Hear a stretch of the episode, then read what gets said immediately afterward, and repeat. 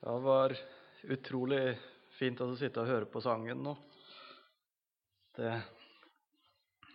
nå har det kommet eh, siste møte for meg. Jeg reiser østover etter dette møtet her. Det har vært veldig fint også å være her denne uka. Veldig godt for meg både å Det har vært godt å preke her, og det har vært veldig godt å sitte og høre på alle sammen. Og veldig fint å være sammen med dere. Så får vi se hvor vi stopper hen nå i kveld. Nå skal vi be litt først. Kjære Herre Jesus, jeg vil takke for det vi har hørt til nå i åpning og sang. Så jeg takker i kveld, og Herre, for at vi får samles i ditt navn.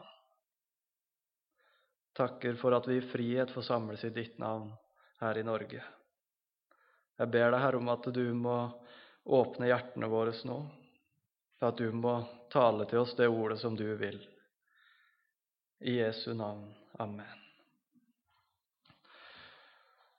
Det jeg har gått og tenkt på nå i dag, det har vært eh, litt rundt den første påska, den første påskefeiringa. Og de fleste her inne kjenner til historien om den første påskefeiringa, som skjedde nede i Egypt. Når jødene har vært i fangenskap i Egypt i over 400 år, tror jeg det var. Og jødene de har blitt mange. I løpet av disse åra har det blitt flere og flere. Og når farao oppdager dette her, så blir han redd. Han blir redd for hvis det skulle bli krig, om jødene skulle slå seg sammen med fiendene til Egypt, og hva som da skulle skje. Så blant annet så befaler farao at alle guttebarna hos jødene skal drepes. Og etter hvert så legger han òg mer arbeid på jødene. De driver med arbeid for egyptere, og det blir lagt hardere og hardere arbeid på dem, sånn at de skal holdes nede. Og Jødene de har det forferdelig i dette fangenskapet. De har det forferdelig tungt. Og midt oppi dette her så kaller Gud Moses, denne gutten som blir gjemt unna, som ikke blir drept når budet har gått fra farao om at alle guttebarn skal drepes. Moses han blir kalt av Gud til å føre folket ut av Egypt, ut av dette fangenskapet. Og Moses han kommer framfor farao med disse ordene han har fått fra Gud, og ber om at folket skal få dra. Men farao han nekter. Nekter å la jødene reise ut. Og det står det at han har et forherda hjerte. Han vil ikke høre på dette her. Nekter dem å reise. Og Det som Gud da gjør, det er at han svarer med å sende flere plager over Egypt. Han sender forskjellige ting. Han sender mygg og fluer og frosker og pest og byller og forskjellig. Den ene plagen etter den andre, for å få farao til å gi etter og la folket dra.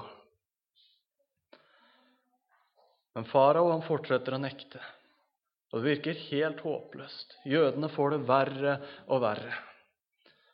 Og så leser vi andre Mosebok, kapittel 11.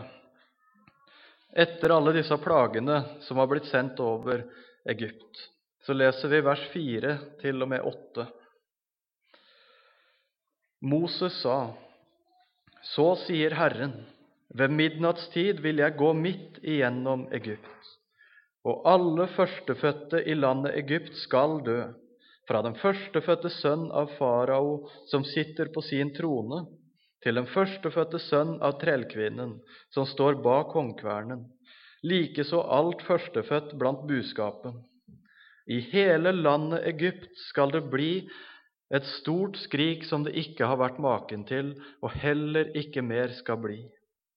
Men ikke en hund skal gjø mot noen av Israels barn, verken mot folk eller fe. Slik skal dere kjenne at Herren gjør forskjell på egypterne og Israel.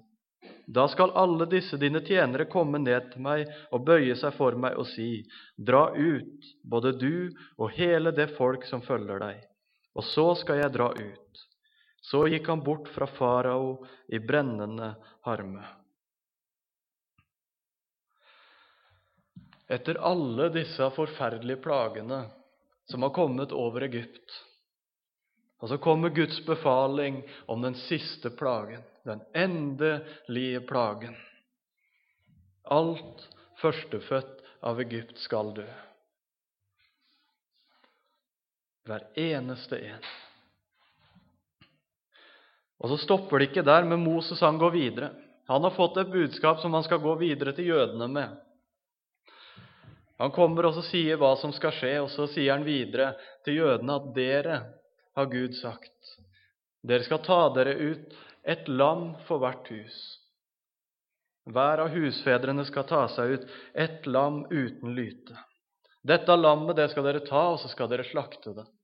Og når dere har slakta det, så skal dere ta blodet fra dette lammet, og dere skal stryke det på begge dørstolpene og den øverste dørbjelken. Samme natt som dere gjør dette her, så skal Gud gå gjennom Egypt. Han skal slå i hjel alt førstefødt av Egypt, både mennesker og dyr. Men så står det videre i kapittel 12.: Når dere har gjort alt dette her, når jødene har gjort det de har fått beskjed om, så står det i vers 13.: Blodet på de hus hvor dere er, skal være til et tegn for dere. Når jeg ser blodet, vil jeg gå dere forbi.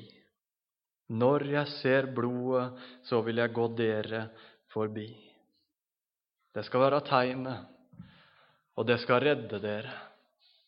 Da skal dere gå fri fra denne dommen. Og så kommer denne natta, som Gud har snakka om. Mørket faller på. Guds engel kommer gående gjennom Egypt. Kommer bort til ei dør. Åpner opp døra, går inn. Det går noen sekunder, og så kommer han ut igjen. Videre til neste dør. Samme prosedyre. Innimellom så kommer han til ei dør hvor han ser at det er blod stryket på dørstolpene. Og så går han forbi, videre til neste, på nytt inn. Gjennom hele Egypt. Og så står det, når natta er over og de våkner opp, så var det et stort skrik gjennom hele landet. For det var ikke ett hus av egypterne hvor det ikke fantes en død. Den natta gjesta døden Egypt. Men bak blodet, bak dette blodet fra det lammet som de hadde stryket på dørene, der satt jødene trygt. Ingenting farlig som ramma dem den natta. De gikk fri. Men så har jeg tenkt på det Tenk også å få den beskjeden som Moses kommer med til jødene, om alle disse tinga som skal skje. De har alle hendelsene som nettopp har vært de siste, den siste tida. De har det i minne. Men så får de høre den siste greia her. At alt førstefødt skal dø. Men dere skal ta dette lammet, dere skal stryke blodet, og dere skal gå fri. Tenk å få den beskjeden. Det må jo ha vært en del som sitter og hører på dette her, som må stusse over det de hører. Lure litt på hva er dette for noe. Det må være noen som er skeptiske. Det må sitte noen der som er tvilende. Det må sitte noen der som blir livredde når de får høre dette budskapet. Og det er nok noen som sitter der og er veldig glade. Endelig så ser de en redning foran. Endelig så ser de et håp om at nå skal vi få reise herifra. Men mange som sitter der med en sånn litt uggen følelse, litt redde. Men samtidig de måtte gjøre sånn som Moses sa. De kunne liksom ikke gjøre noe annet. Og så tok de dette lammet og slakta det og gjorde akkurat som de hadde fått beskjed om. Og så satte de seg ned og venta. Og jeg kan tenke meg at det lå som et lokk over jødene. Hvordan går dette her? Hva skjer nå i natt? Hebreerbrev 11. Jeg veit verset har blitt sitert tidligere denne uka. det første verset. Men tro er full visshet om det en håper, overbevisning om ting en ikke ser. Og så sitter de her inne i husa sine, og så har de bare dette håpet, dette enkle håpet om en redning. Og så står det i vers 28 i det samme kapitlet ved tro holdt Moses påsken med blodstrykningen, for at ikke ødeleggeren skulle røre deres førstefødte. Ved tro holdt de påsken. Så gjemte de seg bak blodet, og det frelste dem. Og så tenker jeg på det, at det å være en kristen det er egentlig på samme måten. Sånn som disse jødene må ha følt det når de hørte dette her, og når de har ordna til akkurat som de har fått beskjed om. Og så er det egentlig på samme måten å være kristen. Hvor ofte merker ikke vi på denne tvilen? Hvor ofte merker ikke vi på en sånn viss skepsis eller en usikkerhet? Jeg gjør det. Jeg gjør det. Spørsmål som stilles inni meg rundt dette her som jeg skal sette min lit til.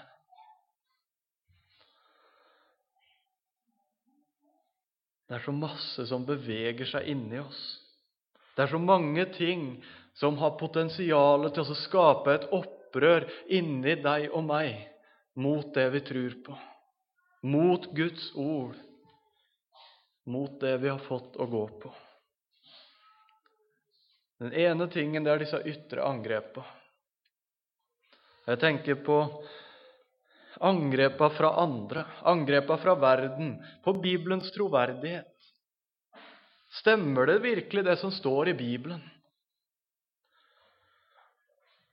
En av tingene som ble tatt opp på et av vitnemøtene denne uka, det var det med skapelse eller evolusjon. Hvor mye usikkerhet kan ikke den, bare det temaet der skape? Når vitenskapen bryter totalt med det Guds ord sier, hva har ikke det potensialet til å gjøre inne i oss? Det sies det at uh, veldig mange kristne som starter på høyere utdanning, om det er høyskole eller universiteter, de kommer inn som kristne, og de går ut uten trua si. Opplever angrep på angrep på angrep fra vitenskapen. Og så skjer det noe inni meg.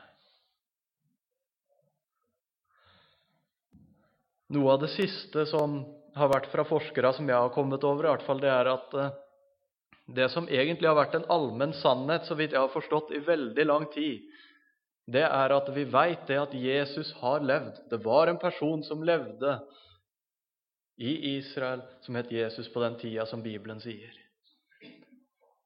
Men nå er det forskere som begynner å stille spørsmålstegn. Har Jesus virkelig levd? Har han virkelig det? Og så svarer de nei. Og så kommer det nye angrep på angrep på angrep.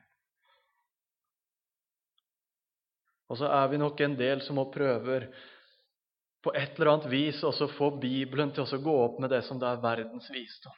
Og vil ha det til å gå i sammen. Og så kommer tvilen, for at det passer liksom ikke. Guds visdom og verdens visdom.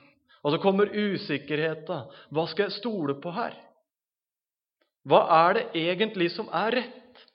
Er det det Bibelen sier, eller er det det alle forskere og alle vitenskapsmenn sier? Hvem, hvem skal jeg tro på?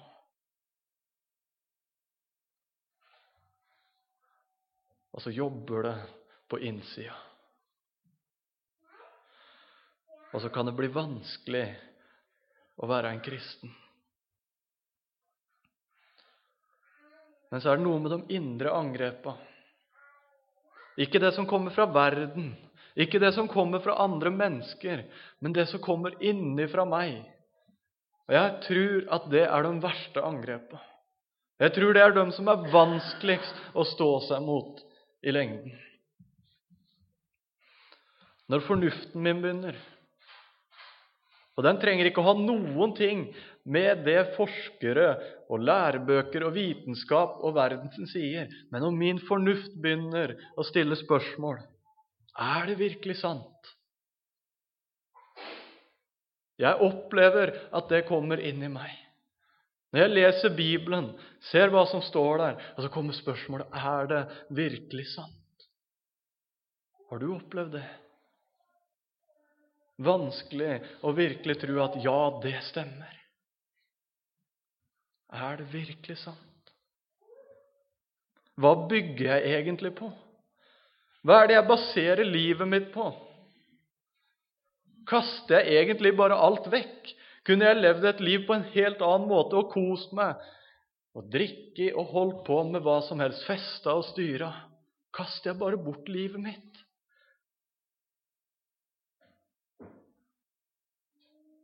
Jeg har opplevd og hatt sånne tanker.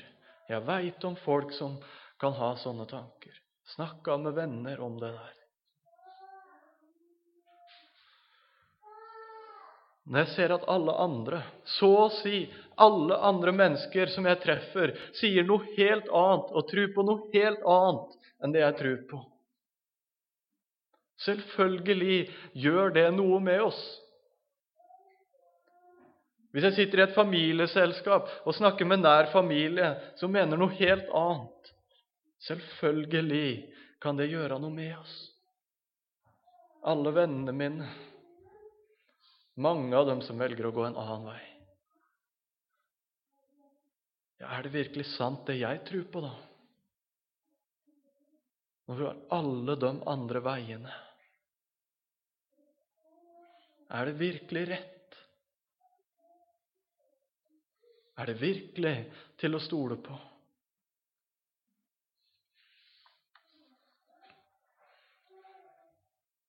En annen tanke som kommer opp Er det rett at jeg ikke skal gjøre noe?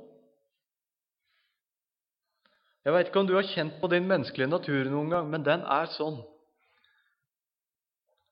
at det den er nærmest å være tilbøyelig til, det er at det er jeg som skal gjøre noe å stole på seg sjøl og bygge på noe i meg.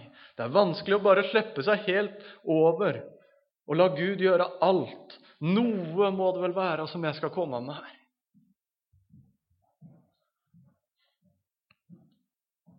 Og ikke minst følelsene.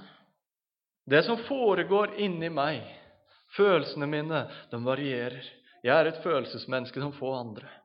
Opp og ned hele veien. Jeg er sikker på at det sitter noen av dere her òg som merker at det varierer så voldsomt, disse følelsene. Fra dag til dag. Ene dagen så kan jeg stå her og så rope ut i full visshet Jeg veit jeg er frelst. Det er sant, det Bibelen sier. 100% sikker på at jeg er på vei til himmelen. Og så kan det gå litt tid, og så har det snudd rundt. Og så sitter jeg der og plager meg sjøl. Kan jeg virkelig være en kristen? Kan det virkelig stemme at jeg er frelst?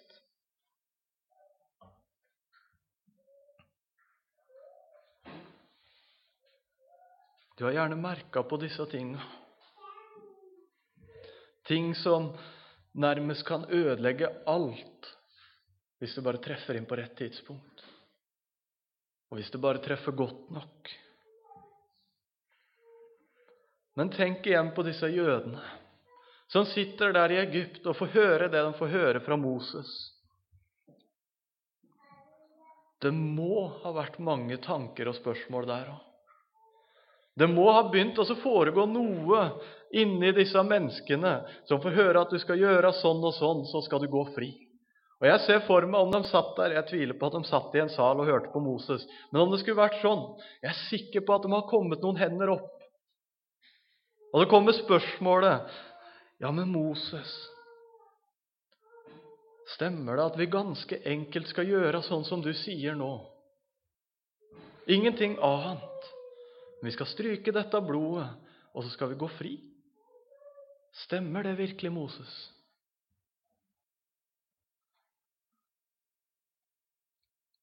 Kanskje det kom ei hånd opp. Kanskje det var en liten gjeng som hadde samla seg om den tanken, og så spurte ja, men vi skal ikke bare flykte, da? Vekk herifra! Komme oss langt vekk! Det er ikke det vi skal gjøre, da. Skal vi virkelig stole på det som du sier her? Enda ei hånd opp. Merke skepsisen ligger der. Kommer det virkelig en dom, sånn som du sier? Kommer virkelig Gud til å gå gjennom Egypt og drepe alt førstefødt av Egypt? Skal vi virkelig gjøre dette her? Skal vi ikke bare fortsette å gjøre det arbeidet som er lagt på oss? Kommer virkelig denne dommen? Alle disse tankene og spørsmåla som flyr rundt. Men de kunne ikke ta den risikoen. Og så veit vi ut ifra det Bibelen sier, at jødene, de gikk fri. De ble frelst. De ble redda ut av Egypt. Og så er Bibelen sånn at den samler alle disse følelsessvingningene som vi kan ha. Alle spørsmåla, all den tvilen, alle angrepa som kommer.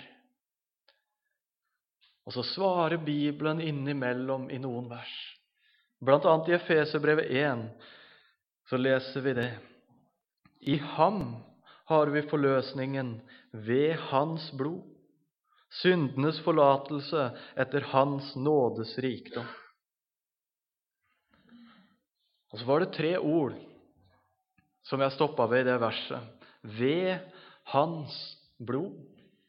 Og så har vi akkurat vært inne på fra andre Mosebok, hvor jødene skulle ta et lam og stryke blodet. Så skulle de gå fri ved lammets blod. Og så snakker Bibelen om enda et offerlam. Jødene måtte ofre et lam for å gå fri fra Egypt. Og så skjønner vi ut ifra det at det var ikke frelse i å være jøde. Det var ikke frelse i seg sjøl for dem.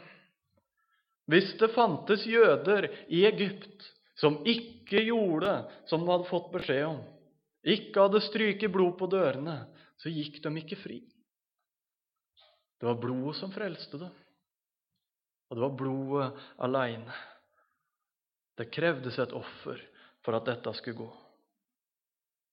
Og så leser vi Galaterbrevet om at når tidens fylde kom, så utsendte Gud sin sønn for å kjøpe dem fri som var under loven. For å kjøpe dem fri. Og så krevdes det et offer for oss òg. Og så var det satt en pris på ditt og mitt liv. Det var noe som måtte betales. Bibelen sier at du og jeg, vi er skyldige til døden. Ingenting annet, ingenting mindre. Vi er skyldige til døden, for syndens lønn er døden. Men Guds nådegave er evig liv i Kristus Jesus. Så er det brevbrevet 10, som vi også har vært inne i tidligere denne uka. Men jeg syns brevbrevet 10 kommer inn på dette andre offeret på en så fantastisk god måte. Og Vi starter med de første versene hvor det blir beskrevet det gamle offeret. For loven har bare en skygge av de goder som skulle komme, ikke tingenes virkelige skikkelse. Derfor kan ikke loven, ved de offer som hvert år blir båret fram, gjøre dem fullkomne som kommer fram med dem. For det er umulig at blod av okser og bukker kan bortta synder. Det tar ikke bort synder, de ofra som er ved loven. Men disse ofra, det var skikken for jødene. De kom med sine offer gang på gang på gang. Og så holder ikke vi på med det, men jeg har en sånn Jeg er redd for at vi i dag òg har våre type offer. Du og jeg, i våre liv, vi har noe som vi driver og kommer fram med til Gud, som liksom skal hjelpe oss på et eller annet vis. For hva er det som slår inn når disse angrepa kommer på trua vår? når vi begynner å tvile, når vi begynner også å bli usikre og er redd for holder det virkelig, er det virkelig sant? Jeg tror vi har en stygg tendens til å ty til noen sånne offer, vi òg. Og så sier Bibelen den tar ikke bort synder. Jeg driver også og spiller litt golf innimellom. Og på en golfbane nede i Rogaland, på Ogna golfbane, så går det en vei eh, nesten tvers igjennom golfbanen. Eh, og oppi en skråning der så tror jeg de driver og bygger noe hyttefelt eller noe sånt. Nå. Og så står det et svært skilt som du ser da når du går der og spiller golf. Og der står det 'Sikre deg en plass i himmelrommet'. Sikre deg en plass i himmelrommet. Kjøp deg inn i himmelrommet. Og så har vi våre offer på et eller annet vis. Jeg veit ikke med deg, men jeg har veldig lett for det når jeg går på møte etter møte. Ofte på møter. Jeg har en stygg tendens til å bli litt fornøyd med meg sjøl. Eller når jeg har en sånn god periode hvor jeg leser masse i Bibelen. Og det er så inderlig, det bønnelivet mitt. Og Så tar jeg meg sjøl i å tenke at nå må jeg i hvert fall være en god kristen. Nå holder det i hvert fall. Og så blir det på sett og vis noe sånn offer. Noe jeg kommer fram med. Ikke det at det er galt å gå masse på møter, eller å lese mye i Bibelen, eller å være inderlig i bønnelivet, for det skal vi. Men det skal ikke være fordi at det hjelper meg til himmelen. For jeg kan ikke kjøpe meg inn der med noe som helst av mitt. Men så fortsetter Hebreabrevet 10, etter å ha snakka om det gamle offeret. Og så kommer vers 10. Ved denne vilje er vi blitt helliget, ved at Jesu Kristi legeme ble ofret én gang for alle. Der er det nye ofre. Der er det endelige, det fullkomne offeret. Det er Jesus Kristus, Guds land. En gang for alle. Før så var det et lam uten lyte. Nå er det Guds eget lam. Han som var helt rein. Han som var uten synd, ble gjort til synd. Og så er det håpet vårt. Jesu blod. Og så fortsetter hebreerbrevet å understreke viktigheten. Og hver prest står daglig og gjør tjeneste og bærer mange ganger fram de samme offer, de som aldri kan bortta synder. Men Jesus har båret fram ett eneste offer for synder. For med ett offer har han for alltid gjort dem fullkomne som blir helliget. Og deres synder og deres overtredelser vil jeg ikke mer komme i hu. Og så avsluttes hele dette avsnittet om disse ofra. Men der det er forlatelse for syndene, trenges ikke lenger noe offer for synd. Og Så sier Bibelen igjen og igjen det er blodet som frelser fullt og helt. Så er det blodet som tar oss trygt igjennom livet. Trygt igjennom døden, trygt igjennom dommen og trygt inn i evigheten. Jeg hørte om eh, Det var en rik engelskmann som hadde kjøpt seg en Rolls-Royce, disse fine, dyre bilene. Og det ble reklamert med for den bilen at det er bilen som aldri bryter sammen, som aldri blir ødelagt. The car that never ever breaks down. Går aldri i stykker. Og han her engelskmann, han uh, var på ferie nede i Frankrike. Så drev, hadde han med seg bilen og drev og kjørte rundt på landeveiene der nede. Og så skjer det at bilen stopper. Bilen som aldri blir ødelagt, den stopper. Og så står han der da nede i Frankrike og veit ikke helt hva han skal gjøre.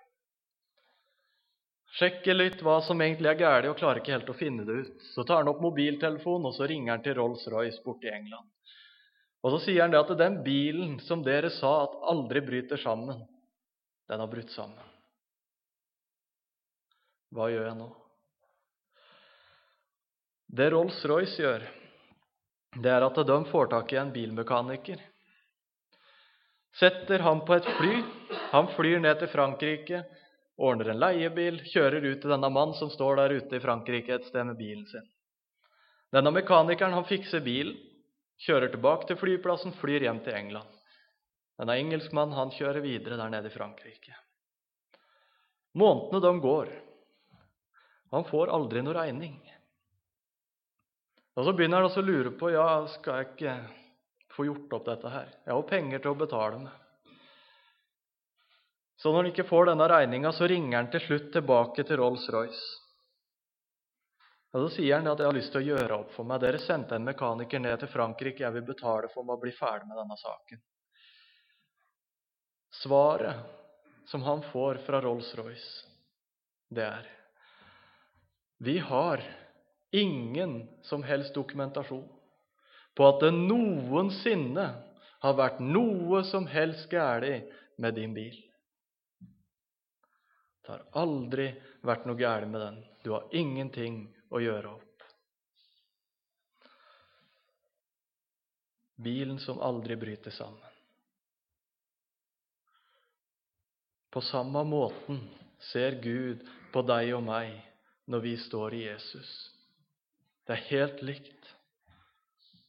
Da får vi høre fra den hellige Gud jeg har ingen som helst dokumentasjon på at det noensinne har vært noe som helst galt med deg.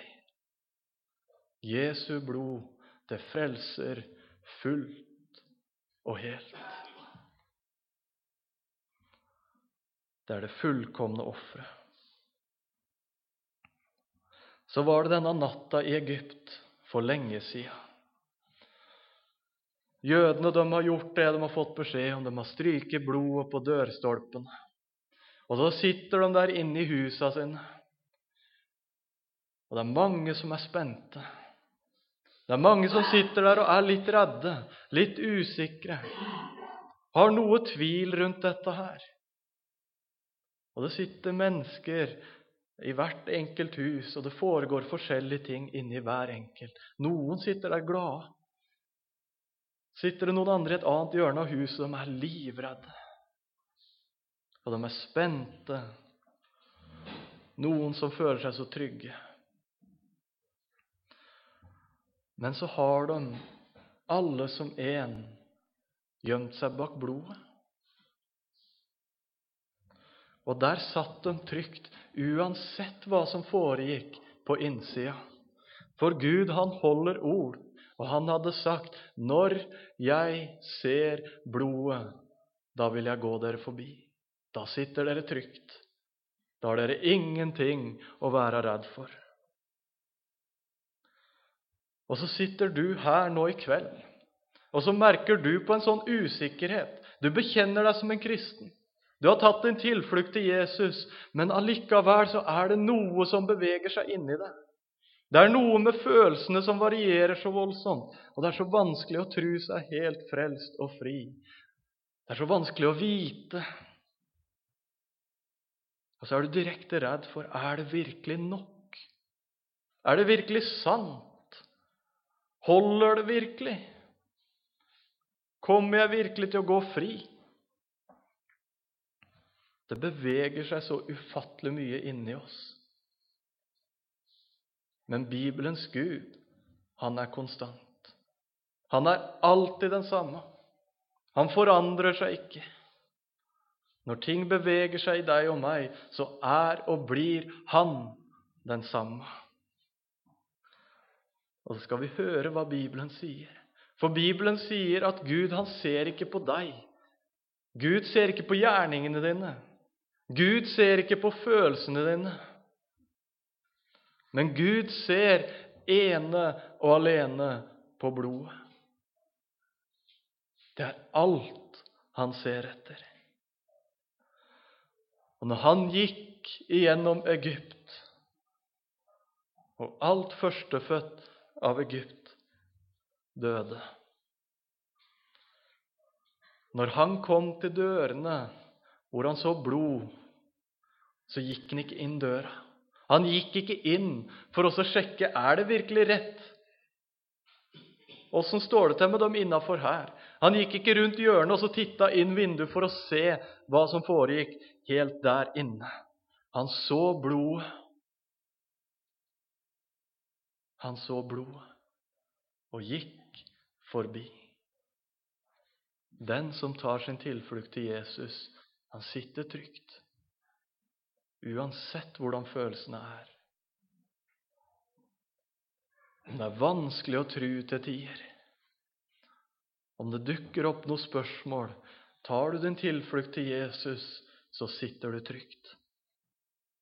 Og så er det så vanskelig å bare nøye seg med det. Å bare slå seg til ro i dette her. Men det er det Guds ord sier. Når han ser på blodet, så går du fri. Så er det et vers i Jobbs bok, i kapittel 24 der.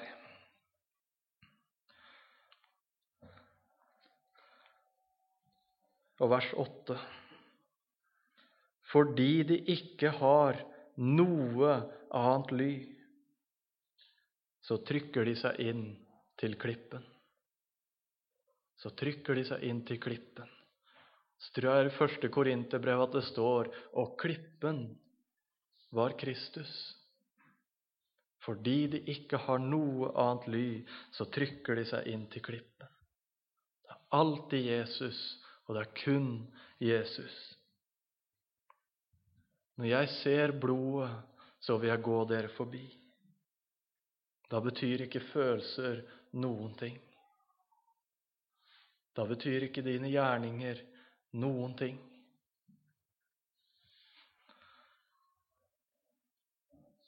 Da betyr kun blodet noe. Jesu fullbrakte frelsesverk på Golgata. Og Det står det i første Samuels bok. Jeg må ta med det helt til slutt. I kapittel 22 og vers 23. Bli hos meg, og vær ikke redd. Den som står meg etter livet, står også deg etter livet. Hos meg er du i sikkerhet. Og så opplever vi alle disse angrepene. Alt det som beveger seg inni meg. Alt det som skifter om inni meg. Og så skal vi vite hos Han er vi til enhver tid i sikkerhet. Det forandrer seg ikke. Det har aldri forandra seg. Det kommer aldri til å forandre seg. Når jeg ser på blodet, så går jeg dere forbi. Så skal du få hvile i det, og få vite at foran Gud så er det nok. Kjære Herre Jesus. Jeg vil takke for at du ser kun etter Jesu blod. Så jeg takker deg, Herre, for at det er nok, at det frelser fullt og helt. Og du ser alt det som beveger seg så voldsomt inni oss, inni meg. Du ser følelsene som ofte gjør det vanskelig. Du ser alle spørsmåla som kan komme både fra mitt indre eller fra andre mennesker, som kan gjøre det så vanskelig. Du ser mitt syndige legeme, som kan gjøre alt så vanskelig. Så ber jeg Herre om at du må gjøre det sånn at det alltid får være blodet som står der, ikke følelsene ikke spørsmålet, ikke synda, men ditt blod. Herre, lær oss å hvile i det. I Jesu navn. Amen.